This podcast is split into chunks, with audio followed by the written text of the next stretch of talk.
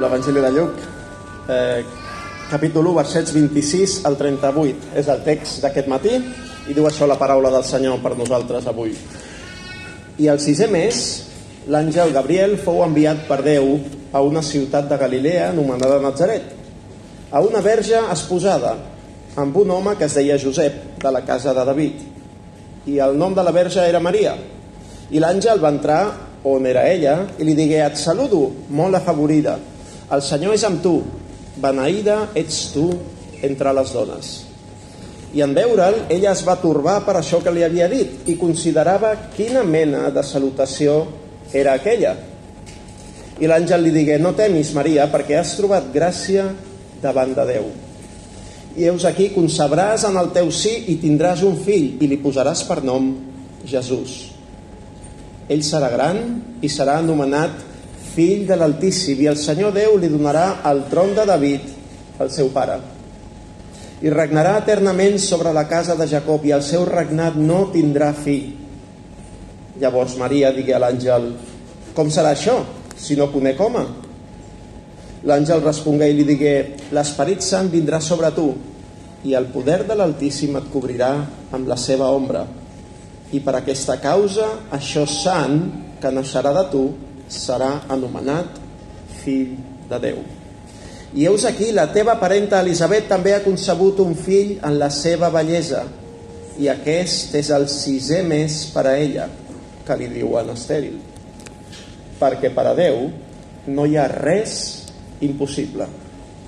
I Maria digué, heus aquí l'esclava del Senyor, que es faci en mi segons la teva paraula. I l'àngel se n'anà. Hola i benvingut al podcast de Ciutat Nova, una església protestant al barri 22 arroba de Barcelona.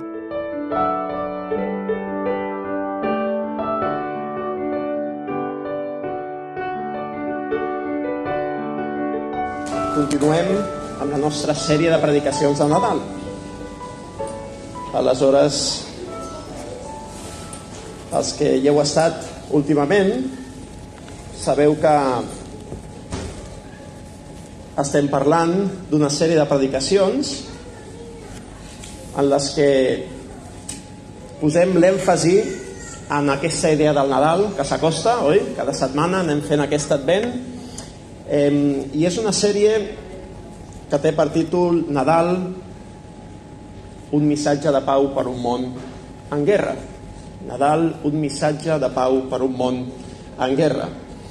I les últimes setmanes hem estat veient eh, eh, dues predicacions, diferents predicacions d'aquesta sèrie. Hem vist com hi ha una sèrie de profecies que anticipaven el Nadal, la vinguda de Crist al món, i també vam veure la setmana passada una genealogia, oi? Aquells textos que dius, uf, aquest text m'ha de dir alguna cosa, plens de noms que trobem a l'Antic Testament, també en algun moment en el Nou Testament, però vam veure com la profecia, la genealogia i avui l'anunci, que és el títol del sermó d'avui, anunci, doncs es combinen i s'acompanyen els uns als altres, donen peu, donen pas els uns als altres cap a la vinguda de Crist i la seva obra.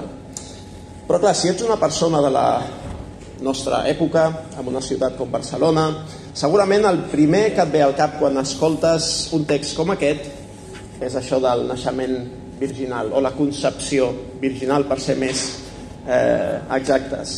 No? no hi ha idea que generi més ironia, més burla, més menyspreu, més condescendència, podríem dir, que aquesta a la nostra cultura. Oi? Embarassada per obra de l'Esperit Sant. Ja. Clar. Sí, sí. Quantes vegades sentim comentaris sobre això, oi? I més quan vivim en una cultura que podríem dir que està hipersexualitzada, una cultura hipersexualitzada, saturada de sexe a totes hores als mitjans de comunicació, als grups de WhatsApp, a tot arreu, oi? I clar, parles de la concepció virginal del fill de Déu que ha vingut a aquest món. Els esmorzars de feina o els cafès amb els companys de l'aula, les converses de cafè entre treballadors o companys de classe estan molt cops carregats de comentaris cínics i vulgars sobre el sexe, oi? És allò de que hem de poder parlar de tot i en qualsevol moment, perquè són persones lliures i són persones modernes, oi que sí? No tenim tabús. Hi ha una mica aquesta idea al darrere d'això, oi? Quan un està eh, pensant en el sexe és el mateix que pensar en el proper plat de menjar que et menjaràs, oi? T'agrada el menjar, menges. T'agrada el sexe, mantens relacions sexuals. Aquesta perspectiva, que és molt present a la nostra cultura, ens sembla madura, ens sembla avançada, ens sembla emancipada, alliberada, revolucionària, fins i tot, oi? Però clar, enmig d'aquest context llegim un text com aquest i la cosa es posa interessant. Oi? Quins comentaris sortirien? Quina és la perspectiva bíblica del sexe? Per què hi ha una concepció virginal del Messias que ha vingut a aquest món? Hi ha una sèrie de coses que m'agradaria deixar clares abans de ficar-nos, llançar-nos de cap en el contingut del text. La Bíblia diu que el sexe és molt bo. La Bíblia diu que el sexe és molt bo. De fet, L'inventor del sexe va ser Déu mateix. En el context adequat del matrimoni, l'apòstol Pau recomana, anima els matrimonis a no descuidar el sexe. A l'Antic Testament hi ha un llibre sencer que es meravella amb el gaudi del plaer sexual entre un home i la seva dona. Cantar de los cantares, oi? Càntic dels càntics. Per tant, si ets una persona massa, perdoneu la paraula, eh? no, no he trobat la traducció, massa mojigata, perdona eh, l'expressió, la Bíblia és un llibre que t'incomoda en certs textos. Perquè és molt clar, oi? Però la Bíblia també ens diu que el sexe no és Déu. I la Bíblia també ens diu que en el sexe no tot hi val. El sexe ha estat creat per Déu per ser gaudit en el context d'un pacte de per vida entre dues persones, un home i una dona, i la nostra és una cultura que podríem dir que ha passat d'un nacional catolicisme, d'una religió imposada, a una revolució sexual en no gaires anys. Oi? I estem amb aquest pèndol que va d'una banda a l'altra. Oi? Hem fet un canvi molt ràpid a la nostra cultura, a la nostra societat.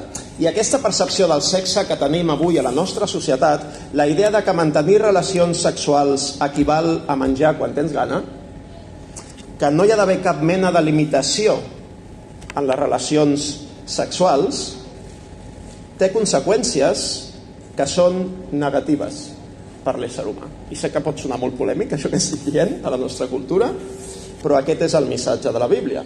Podem parlar, per exemple, per justificar això que estic dient, del consum de pornografia en l'adolescència. I ja no en l'adolescència, més aviat de l'adolescència. Això és que sou mestres ho sabeu, tenim uns quants mestres aquí. Oi que sí? No cal arribar a l'institut perquè els nanos vegin pornografia i, de fet, tinguin problemes reals amb la seva percepció de què és el sexe i per què serveix el sexe. O podem parlar de notícies tan brutals com aquestes violacions de menors a menors. Violacions de menors a menors. Quina perspectiva sexual tenen aquestes persones que cometen aquestes barbaritats? La deshumanització de la dona al convertir-la en un tros de carn. Oi que sí? Quina idea de sexe hi ha al darrere de tot això? Aquestes, jo dic que són conseqüències d'una perspectiva del sexe basada en idees com, per exemple, la pornografia. Pensar-nos que el sexe és el que hi surt en aquest tipus de material. La Bíblia, el cristianisme, no veu el sexe com una cosa bruta i que només és necessària per tenir fills. No és aquesta la perspectiva bíblica. Però tampoc és un todo vale, sense cap mena de limitacions. Tampoc és quelcom imprescindible per ser feliç, eh? Que això és el que pensem a la nostra cultura, oi que sí? Les persones que no mantenen relacions sexuals, que no deixen del sexe com haurien de fer, són incapaces de ser felices. Vigilem quan pensem o quan expressem aquestes coses. La Bíblia no posa el sexe, com fem nosaltres a vegades, com el més important, oi? Com l'única cosa que pot donar alegria i significat a la nostra vida. Això no és així. No cal que mantinguis relacions sexuals a tort i a dret per ser una persona completa, per ser una persona feliç amb la teva vida, realitzada. El sexe, segons la Bíblia, és un invent de Déu que hem d'utilitzar segons el manual d'instruccions del seu inventor, que és Déu mateix. Per tant, per què dic això? Perquè sé com impacta un text com aquest a la nostra cultura i perquè vull separar la idea de la concepció virginal de Jesús de la idea que diu que el sexe és dolent. Perquè aquesta no és una idea bíblica i aquesta no és una idea que l'Església hagi de transmetre. I si ho ha fet alguna vegada, mal fet. La concepció virginal en cap moment vol dir res en contra del sexe. I sí, és un miracle. Aquest és el tema. És un miracle, naturalment. La concepció virginal de Jesús no està als evangelis per dir-nos que les coses són així, que els fills es tenen d'aquesta manera, oi? sinó per dir-nos que el que està passant en aquell moment és quelcom extraordinari, quelcom miraculós, fora del normal, increïble. I això és increïble avui, però anem en compte, perquè també era increïble al segle I. A vegades tenim aquesta perspectiva, oi? Que pensem, som una mica, perdoneu, alguna vegada us ho he dit, us ho torno a dir amb carinyo, però som una mica pijos, oi? Som una mica snob, perquè pensem que avui al segle XXI hi ha certes idees que no ens en passem. En canvi, al segle I, els pobres, doncs clar, no sabien res de la vida, no tenien estudis, no tenien les universitats que tenim avui. Bueno, tu li deies, doncs mira, eh, sí, aquesta dona ha quedat embarassada per obra de l'Esperit Sant, i tothom deia, ah, sí, vale, vale, ok, el marit ok, la dona ok, tothom tranquil i content, vale, doncs si ho diu la Bíblia és que ho diu la Bíblia, oi que sí? Això està allunyat del relat bíblic. El relat bíblic és d'un realisme i d'una normalitat, podríem dir, amb la reacció tant de Josep a Mateu com de Maria en aquest evangeli, que ens fan entendre que al segle I ja ho sabien, que els nens requereixen de relacions sexuals entre un home i una dona, oi? Per tant, anem en compte en com jutgem i com ens acostem a un text escrit al segle I. Si Déu existeix, és una hipòtesi força racional, no sé si heu vist les notícies últimament, aquest llibre que està tenint força èxit de vendes a les llibreries, de dos autors francesos eh, que parlen sobre, el del títol és eh, Dios, la ciència, les proves... Eh? Bàsicament són eh, dos autors francesos que a França han tingut molt d'èxit amb un llibre que el que fa és actualitzar les proves de l'existència de Déu, per dir-ho d'alguna manera, o actualitzar, posar al dia totes aquestes idees científiques que al llarg del temps s'han utilitzat per parlar de que l'existència d'un creador és raonable. Aquest llibre ja està a Espanya, també està venent força. És interessant veure aquesta perspectiva. Oi? Si Déu existeix, hipòtesi força racional, com defensa aquest llibre, hem d'estar oberts a la possibilitat de que pugui intervenir de manera extraordinària en moments determinats. I això és el que està passant en aquest text. Oi? Com en el cas de Maria. Per tant, tres punts per al missatge d'aquest matí, per la predicació d'aquest matí. Veurem les implicacions de l'anunci que es fa a Maria, veurem l'explicació o la identitat d'aquest nen i veurem la resposta. Anunci, explicació i resposta.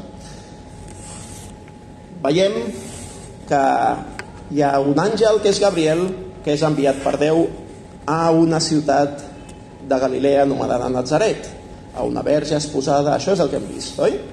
Déu està duent a terme el seu pla de salvació al llarg de la història. Això és el que hem vist a l'Antic Testament, si l'hem llegit, i això és el que veiem que continua fent el Nou Testament. Al Nou Testament veiem com aquest pla de salvació de Déu fa un pas definitiu i central amb aquest anunci, amb aquest anunci d'aquest àngel. Oi? Déu no només s'interessa pels éssers humans, sinó que està a punt de fer una cosa espectacular i extraordinària.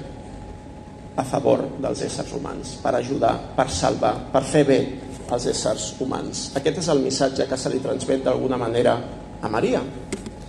Déu entrarà a un món trencat pel pecat humà per salvar els éssers humans. I això ho farà en la persona del seu fill, de Jesús. L'àngel Gabriel s'apareix a Maria i li dona la gran notícia, el gran anunci. Maria, tu seràs l'instrument, amb altres paraules, li diu, a través del qual Déu farà això tan extraordinari i tan preciós. Això que s'havia dit a les profecies, oi? Això que també quedava ben clar al començament de l'Evangeli de Mateu que vam llegir la setmana passada amb aquesta genealogia, que bàsicament el que ens diu és que sí, les profecies eren veritat i que és històric el que Déu està fent enmig d'aquest món. I aleshores li diu Maria, quedaràs embarassada de manera sobrenatural i tindràs un nen a qui posaràs el nom de Jesús. Sabeu què vol dir Jesús? Jesús vol dir Javé salva. Aquí no se'ns diu, però a l'Evangeli de Mateu sí que se'ns diu. I els noms en aquella època no es posaven com es posen ara, oi? Sinó que tenia un sentit el per què es posava el nom. Doncs en Jesús, en el fill de Maria, en el fill de Déu té aquest sentit tan extraordinari. Javé salva. déu nhi com a anunci, oi? No sé quins anuncis reps tu, normalment, no sé quins són els anuncis més impactants que has rebut, però Maria rep un anunci força impactant. I hi ha algunes coses molt interessants que, que hem de comentar en aquest anunci. Oi? Fixeu-vos que, en primer lloc, la salvació de Déu en Crist, la, la solució que el nostre món necessita, ve en forma d'anunci. Ve en forma d'anunci. I això és important. Després en parlarem més, eh? però la solució als problemes d'aquest món vindran en última instància no del que tu o jo puguem fer, sinó del que Déu farà i del que Déu ha fet. No estic menyspreant eh, el que nosaltres puguem fer. Estem cridats a fer el bé a totes les persones del nostre voltant, siguin qui siguin, pensin el que pensin. Però nosaltres, segons la Bíblia, no tenim la solució en nosaltres mateixos a aquest món trencat, sinó que Déu ha de prendre la iniciativa i ha d'actuar de forma sobrenatural per salvar aquest món. Nosaltres, amb el nostre activisme i bona voluntat, podem fer coses bones i necessàries, les hem de fer. Però tot això no deixen de ser, d'alguna manera, parxes que posem a situacions d'injustícia que ens trobem, oi? Més sobre això al final del sermó, però recordem aquesta idea, eh? Anunci. És un anunci que se li fa a Maria. Després, et faria una pregunta. Si tu fossis Déu, no et recomano en general que et posis en el lloc de Déu, ja ho saps, oi? Però per un momentet intenta posar-te, oi, en el lloc de Déu per pensar si tu vols enviar el teu fill únic al món, després d'haver-lo creat, a quin tipus de família l'enviaries? A quin context, a quin país l'enviaries? Si jo penso, si us obro el meu cor, oi? Doncs eh, bé, si jo vull enviar el meu fill a algun lloc com a ésser humà ja no com a Déu, oi? doncs l'envio a la millor de les famílies que trobi, oi? al millor dels contextos que trobi, on hi hagi més opcions per al meu fill, on tingui una millor educació, on tingui un accés a una medicina ben avançada. Um, ja no sé si l'enviaria al si d'una família reial, potser no caldria, no? Però si el teu fill és la persona més important de tota la història i l'has d'enviar a aquest món, a quin tipus de família l'enviaries? A quin context l'enviaries? A quin segle l'enviaries? Jo dono tantes gràcies, tantes vegades de viure al segle XXI, de viure una ciutat com Barcelona. Per què? Llegeix una mica d'història, oi? Veuràs quina mena d'hospitals i de medicina hi havia fa uns quants segles veuràs quan havies d'anar al dentista a l'edat mitjana doncs prepara't oi? clar, no decidim on naixem i no decidim quan naixem a quin segle però d'alguna manera Déu sí que podia fer això Déu podia decidir on el seu fill es faria un ésser humà i en quin segle. I el Déu de la Bíblia és un Déu ben estrany, perquè ell no fa les coses de la manera en la que tu i jo les faríem. L'àngel Gabriel s'apareix a una noia jove, jueva, sense cap mena d'estatus a Israel. Una desconeguda. Una noia que viu a la petita vila de Nazaret. Maria ha guanyat molt de prestigi al llarg dels anys, oi que sí? Molta importància. Nazaret també, oi que sí? En aquell moment, Maria no era ningú. I Nazaret no era ningú com a poble, tampoc. Saps el que pensava la gent de l'època de Nazaret? Els evangelis mateixos t'ho diuen. Hi ha un moment en el que un tal Gamaliel, quan li diuen que de Nazaret ha de venir el Maciès, no? o de, ha de sortir algú eh, que és bo, va dir aquella frase que expressa el que la gent pensava a aquella època. De Nazaret en pot sortir res de bo.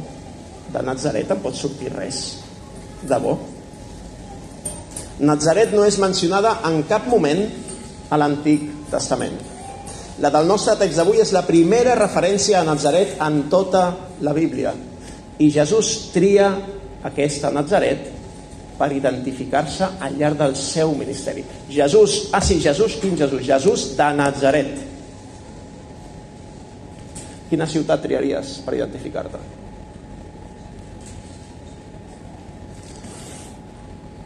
Jesús serà identificat amb aquest lloc tan desconegut al llarg del seu ministeri. I els seus deixebles també, a final del llibre dels fets hi ha un moment en el que es parla dels cristians com la secta de los nazarenos, no? dels nazarens. Per tant, podem dir que Déu honora i utilitza allò que els éssers humans menyspreem i considerem inútil. Déu valora i utilitza allò que tu i jo moltes vegades considerem inútil i que menyspreem. Per altra banda, en aquest anunci hi ha també molta sobrietat. Molta sobrietat. No veus aquí grans espectacles, oi? No veus aquí massa brilli-brilli, oi? Allò que, que, que dius, ostres, el fill de Déu ve al món, eh, se li anuncia a aquesta dona. Eh, no hi ha una mica més de llum, no?, en aquest text. El compliment de la promesa de Déu va arribar a la terra de manera senzilla, gairebé amagada, sense embolcalls brillants, sense pompa, lluny de qualsevol palau. Gent quotidiana, gent desconeguda, un context ordinari. I aquesta és una bona notícia que ens transmet la paraula. Déu continua avui, com ha fet al llarg de la història, donant-se a conèixer enmig del dia a dia en una realitat ordinària, quotidiana i molts cops caòtica, com és la nostra. Oi? Per tant, la bona notícia és que per conèixer Déu, per escoltar la bona nova, l'anunci de l'Evangeli en Crist, no hem de buscar contextos recarregats, no hem de buscar grans espectacles, no hem de fer-ho tot brillant amb espalmetes, llums càlids que fomentin una espiritualitat sublim, no cal anar a llocs especials, no cal anar a muntanyes sagrades, a la natura, a llocs o espais que et facin sentir espiritual i allunyat del món. Déu entra en el nostre món, en el nostre caos. Com va dir algú, Déu s'embruta les mans per resoldre el problema d'aquest món. Déu es dona a conèixer enmig del nostre dia a dia normal i ordinari. No has de ser especial per poder conèixer a Déu. Déu s'acosta a les persones normals. I això és el que veiem en un text com aquest. De fet, més que normals, a les persones a les que potser tu no triaries per ser massa poc importants. Oi? Per tant, veiem que hi ha un anunci, un anunci que ens sorprèn molt, perquè és un anunci de quelcom miraculós, oi? Veiem, doncs, l'explicació o la identitat d'aquest nen que naixeria. Per què era necessari que Maria fos verge? I com hem dit abans, la raó no és perquè la Bíblia estigui en contra del sexe, sinó que la raó bíblica i teològica és que era necessari que fos així per deixar ben clar que allò era obra no dels éssers humans, no iniciativa de les persones, sinó de l'Esperit Sant de Déu, de l'obra de Déu. Era fruit de l'obra de Déu actuant a través del seu esperit. Allò que estava passant era especial, era diferent, era únic. I el que busca transmetre aquesta idea de la concepció virginal de Jesús és que aquest nen serà algú veritablement únic. Només hi ha una altra persona al llarg de la Bíblia de qui es diu que Déu intervingui tant, de forma tan extraordinària, en el seu naixement. Saps qui és? Adam. Adam, el primer ésser humà creat per Déu. I això ja ens encaixa més, perquè Jesús d'alguna manera diu la Bíblia que és el segon Adam, oi? És aquell que ha vingut a fer allò que el primer Adam no va fer, a fer bé el que el primer Adam va fer malament. La seva concepció única i miraculosa mostra que Jesús comparteix la identitat i naturalesa de l'únic i veritable Déu. I alhora comparteix la nostra naturalesa. S'ha fet un dels nostres, però amb una diferència. L'egocentrisme, l'orgull, el menyspreu que tu i jo expressem en el nostre dia a dia no formaven part d'aquest ésser humà que era Jesús, d'aquest Déu que es va fer home. I és per això que és necessari que hi hagi algú com Jesús per ser el nostre mediador davant de Déu i alhora per ser el nostre Salvador. El mediador davant de Déu i el Salvador que necessitem els éssers humans. I més enllà de la, del significat del nom Jesús, oi? aquest Jeshua, Javé salva o Javé és la salvació, hi ha una sèrie de textos bíblics que ens fan veure com d'únic i d'important serà aquell nen que ve. Perquè tu quan llegeixes el text d'avui pots dir, bueno, sí, això és interessant, no? eh, li posaràs per nom Jesús, ell serà gran i serà anomenat fill de l'Altíssim, el Senyor Déu li donarà el tron de David, el seu pare, i regnarà eternament sobre la casa de Jacob i el seu regnat no tindrà fi. Clar, això a tu et sona una mica llunyà, oi? Però la gent del segle I, del poble jueu, això eren paraules molt grosses. Paraules molt grosses. De fet, us llegiré un reguitzell de textos bíblics que ens mostren com d'important és la identitat i com d'única és la identitat d'aquest Jesús que seria concebut a la panxa d'aquesta jove. Diu, començament de l'Evangeli de Mateu, i el naixement de Jesucrist fou així. Quan la seva mare Maria era esposada amb Josep, abans de viure junts, ella es trobà que havia concebut en el seu sí de l'Esperit Sant. I Josep, el seu marit, fixa't, eh, perquè era just i no la volia infamar, va resoldre de repudiar-la en secret ja ho sabien, que les coses no eren així, eh? com funcionaven.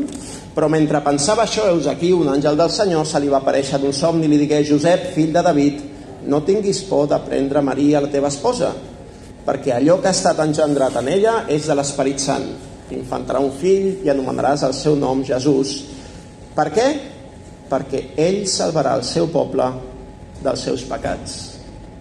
Perquè ell salvarà el seu poble dels seus pecats. Això es diu de Jesús. Però si tu vas a l'Antic Testament, d'on surten totes aquestes referències que trobem en el text d'avui, veiem que Déu li va dir a David una cosa molt important pel poble d'Israel. David era el gran rei, és l'exemple del gran rei del poble d'Israel. David li va dir, quan els teus dies siguin complerts i t'adormis amb els teus pares, llavors jo aixecaré la teva llavor després de tu que sortirà de les teves entranyes i establiré el seu regne. Aquest és un text molt antic, però aquí hi ha la base d'aquesta idea d'un regne que no acabarà mai.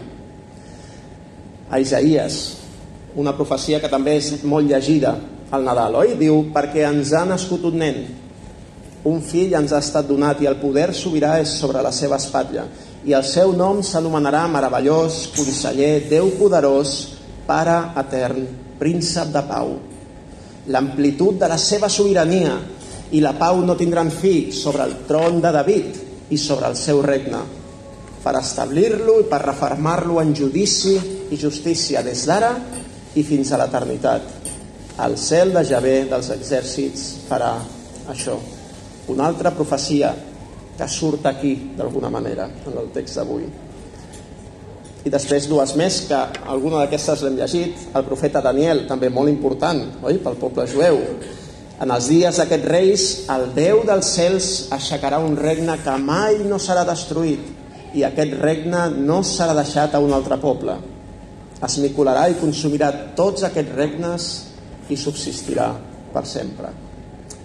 I l'altre text de Daniel, capítol 7, diu I a ell li donaren el domini, la glòria i el regne a fi que el servissin tots els pobles, nacions i llengües. El seu domini és un domini etern que no passarà i el seu regne no serà destruït. Déu-n'hi-do amb aquest nen, oi? No sé si et diguessin això del teu fill, en quin estat et posaries, no? D'aquest nen, Jesús es diuen aquestes paraules tan grosses. Aquest nen serà el Messias esperat per Israel, aquell de qui parlaven els profetes, el fill del gran rei David, aquell que durà a terme els propòsits de salvació de Déu per a aquest món. Un món trencat en el que vivim. Aquest nen serà sant, apartat de manera única per als propòsits de Déu.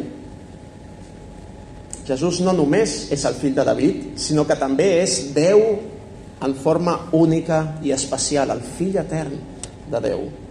És per això que el seu regnat no tindrà fi. Fixa't, Jesús és la persona més important de tota la història, la més extraordinària, la més poderosa, però has vist com ve embolicat? Has vist com ve embolicat? Has vist en quin context apareix? Algú de qui es diuen totes aquestes coses ve al món embolicat de senzillesa i d'humilitat. La cosa més gran i més preciosa i més extraordinària embolicada amb l'embolcall més senzill que et puguis imaginar. El Déu de la Bíblia és un Déu diferent. I veiem al verset 37, oi?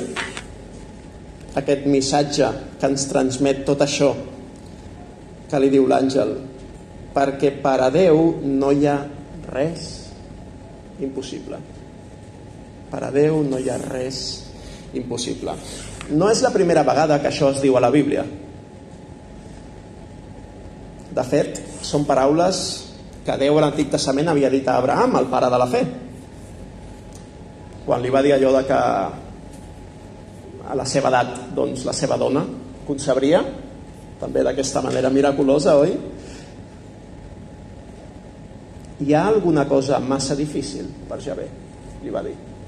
Hi ha alguna cosa massa difícil per Javé. El temps assenyalat, Abraham, segons el temps de la vida, tornaré a tu i Sara tindrà un fill. El Déu de la Bíblia és el Déu dels impossibles. O Jeremies, quan diu, ah Senyor Javé, heus aquí tu has fet els cels i la terra pel teu gran poder i amb el teu braç estès.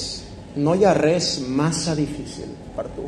No hi ha res massa difícil per tu. Aquest és el Déu de la Bíblia. Déu és el Déu que fa possible allò impossible. Déu compleix les seves promeses. Tu creus això? Responem que sí perquè estem a l'església, oi que sí? Però en el dia a dia, com ens costa veure, oi? Certes promeses del Senyor. Per què? Perquè no compleix les seves promeses com les compliríem nosaltres, oi?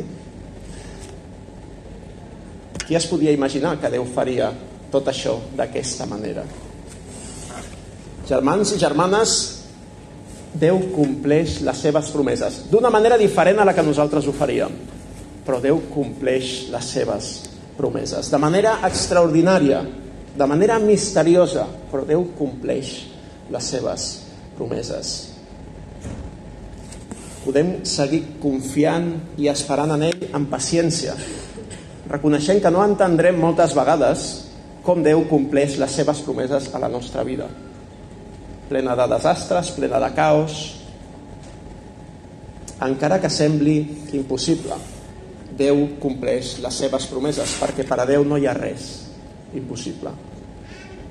I per últim, llegim el verset 38, quan Maria diu, respon, eh? és la resposta de Maria a tot això, i Maria digué, heus aquí l'esclava del Senyor, que es faci en mi segons la teva paraula. I l'àngel se n'anà. Aquesta és l'actitud de Maria. Oi? I clar, la llegeixes avui també i dius, ep, ostres, aquesta idea d'esclau, no? Cal que siguem esclaus de Déu? Aquesta idea d'esclavitud no, no, no ens agrada, no? Ens repugna bastant ser un esclau de ningú, oi? És important que tinguem en compte també una cosa, que és que l'esclavitud que tu tens en ment és l'esclavitud aquesta la que es roben persones, sobretot del continent africà, i es porten amunt i avall i es fan velles tot el que els que compren aquelles persones vulguin. Aquest no és el concepte d'esclavitud del segle I en, en, en el context on neix el cristianisme. Aquesta esclavitud que hem viscut en els últims segles és molt més terrible i molt més injusta que l'esclavitud que hi havia en el segle I. Al segle I tu podies fer esclau de forma voluntària per pagar els teus deutes. Tenies una sèrie de drets. Podies dir, jo treballo tants anys per tu i aquest deute quedarà eh, apartat, eh? quedarà resolt.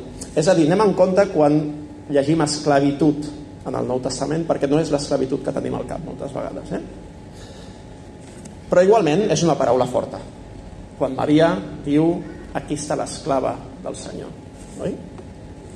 Maria era una noia jove, jueva, humil i desconeguda, però amb tota la seva senzillesa és un exemple de dona fidel al Senyor. És un exemple de com hem de respondre a l'obra de Déu a les nostres vides. Maria, amb tota la seva senzillesa, formava part del que anomenem el remanent fidel d'Israel, aquells que esperaven en el Senyor. Oi? Ella confia en la paraula del Senyor i pel que es desprèn de la seva resposta al text d'avui i en altres textos dels evangelis, podem dir que Maria és una noia que creu en Déu i obeeix la seva llei. És una persona reflexiva, és una persona que és un gran exemple. I això és important. Maria és una deixeble del Senyor, que és un exemple per nosaltres. Però res d'això la fa mereixedora de que Déu obri d'aquesta manera tan extraordinària amb ella. El mèrit no és de Maria. Maria no mereix això. I la seva actitud en el text ho deixa ben clar. El text deixa ben clar que el que està a punt de succeir és fruit de la iniciativa i la gràcia de Déu. Maria no mereix aquest paper. De fet, l'actitud de Maria és de perplexitat i de sorpresa. I ella no havia buscat en cap moment aquest paper en els plans de Déu com deia un comentarista, Maria ha de ser honrada pel seu model de fidelitat i de disponibilitat per servir a Déu, però això no vol dir que hagi de ser adorada. Lluc vol que ens identifiquem amb l'exemple de Maria, no que ens dediquem a exaltar indegudament la seva persona. Cal que tinguem en clar això també. Eh? Però clar, alhora, l'anunci que rep Maria no deixa de ser, enteneu-me, eh? un caramel enverinat. Sabeu per què? Diu el text que Maria estava esposada amb Josep. Això avui no es porta ja, eh? això no es fa. En aquella època això de casar-se era més llarg i complicat del que, del que és avui. Oi? Hi havia tots uns, totes unes coses que s'havien de fer, uns compromisos oficials públics que s'havien de dur a terme en diferents parts. Eh? En aquella època i en el context jueu el compromís per casar-se era oficial. Formava part d'un procés matrimonial en dues etapes, alguns diuen en tres etapes. Bueno, la fase inicial implicava un acord de casament formal i públic amb testimonis. I també incluïa una cosa molt interessant. Va, que aprendrem una mica de història avui. Eh? Preu de la núvia. Què és això? Què és el preu de la núvia? El diccionari diu això. És la compensació econòmica i social que paga el grup que rep la núvia al grup que l'ha donada. És a dir, la família de Josep pagava una quantitat a la família de la núvia. D'acord? Des d'aquell moment, la núvia podia ser legalment anomenada esposa del marit. Això sense haver-hi hagut el casament. Vale?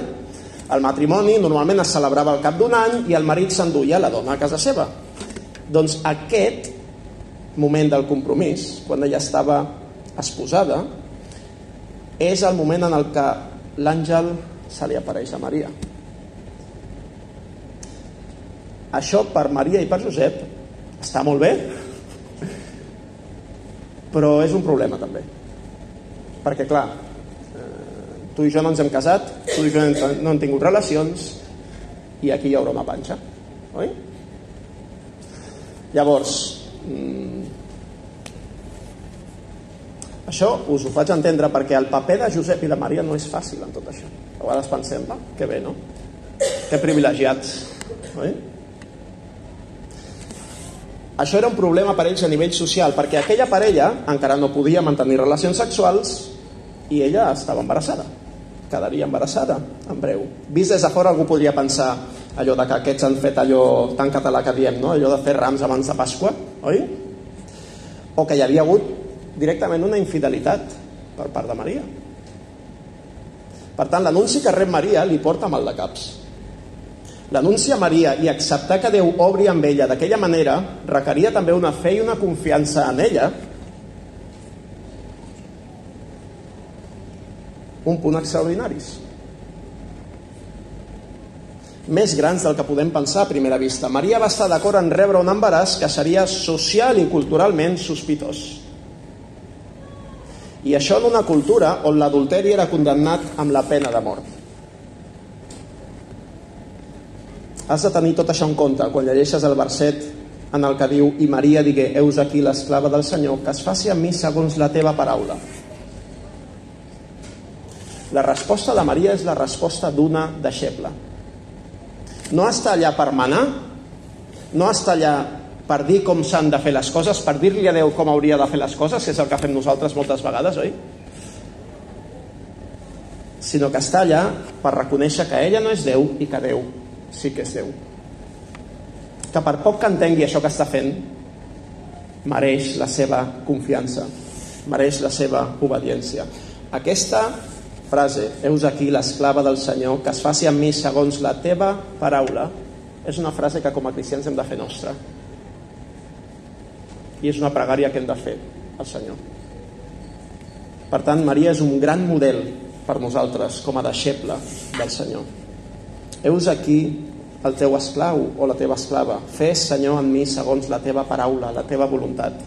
Aquesta és l'actitud que Déu espera de nosaltres I per acabar, com parla el text d'avui? De la pau de Déu per un món en guerra com el nostre. Com parla el text d'avui de la pau de Déu per un món en guerra? El que aquest món necessita, ens diu el text d'avui, vindrà de fora. No ho tens tu a dins teu. I tu no seràs el protagonista que salvarà aquest món. El que tu necessites, el que cada ésser humà necessita, ve de fora la solució final i definitiva al desastre d'aquest món vindrà de fora. Jesús, el fill etern de Déu, la segona persona de la Trinitat, es va fer humà en el ventre de Maria. Jesús va néixer i va créixer com a fill de Josep i Maria, però era més que el fill de Josep i Maria. Era el fill de Déu que es va fer home per la salvació del món. Aquest Jesús tan extraordinari va viure la vida que tu i jo hauríem d'haver viscut. Una vida sense pecat. I aquest Jesús tan extraordinari, per amor a nosaltres, va voler experimentar el càstig de Déu en lloc nostre. Aquell càstig que tu i jo mereixem per al nostre egocentrisme, per al nostre orgull, per al nostre pecat, allò que la Bíblia anomena pecat. Jesús va dir que ell es posaria en lloc nostre.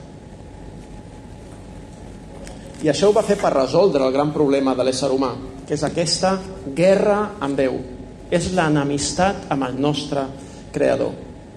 Una guerra que és l'origen de totes les guerres i tots els conflictes que veiem avui al nostre voltant. Aquesta és la concepció bíblica. Si el que veus al teu voltant et fa pensar que les coses estan malament, és veritat. les coses estan malament, les coses no haurien d'estar com estan. El món hauria de ser d'una altra manera. I l'Evangeli dona sentit a aquesta expressió tan profunda que fem les persones quan veiem desastres al nostre voltant. Oi? Jesús va venir a acabar amb aquesta guerra dels éssers humans amb Déu. Una guerra que és l'origen de tots aquests desastres que veiem al nostre voltant. I per això el Nadal és un anunci de pau per un món en guerra. Maria va rebre un anunci molt important i jo avui et reenvio aquell missatge, et reenvio aquest anunci. Aquell missatge que va rebre Maria. Evangeli, saps què vol dir? Vol dir bona notícia. L'Evangeli és un anunci, i aquí connecto amb el que us deia abans, oi? L'Evangeli és l'anunci del que Déu ha fet en la persona de Jesús per a aquest món, per salvar aquest món. Evangeli vol dir que Déu ha vingut a aquest món, s'ha encarnat, s'han brotat les mans, oi?, amb el nostre món per rescatar el món i les persones que hi ha en aquest món. Per tant, escolta avui l'anunci més important que mai puguis escoltar.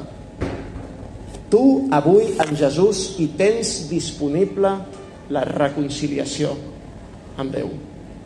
Tu, avui, en Jesús, hi tens disponible la reconciliació amb Déu. Com respondràs a aquest anunci que et faig, que fem, que fa la paraula? Ho faràs amb l'actitud de Maria, amb aquesta fe, amb aquesta humilitat, o rebutjaràs el regal més gran que existeix. Creu en el Senyor Jesucrist, diu l'Escriptura, i seràs salvat. Gràcies per escoltar aquesta predicació. Si tens preguntes respecte al seu contingut o vols tenir una conversa sobre l'Evangeli, no dubtis en contactar-nos. Escriu-nos o visita'ns a www.cn22.org.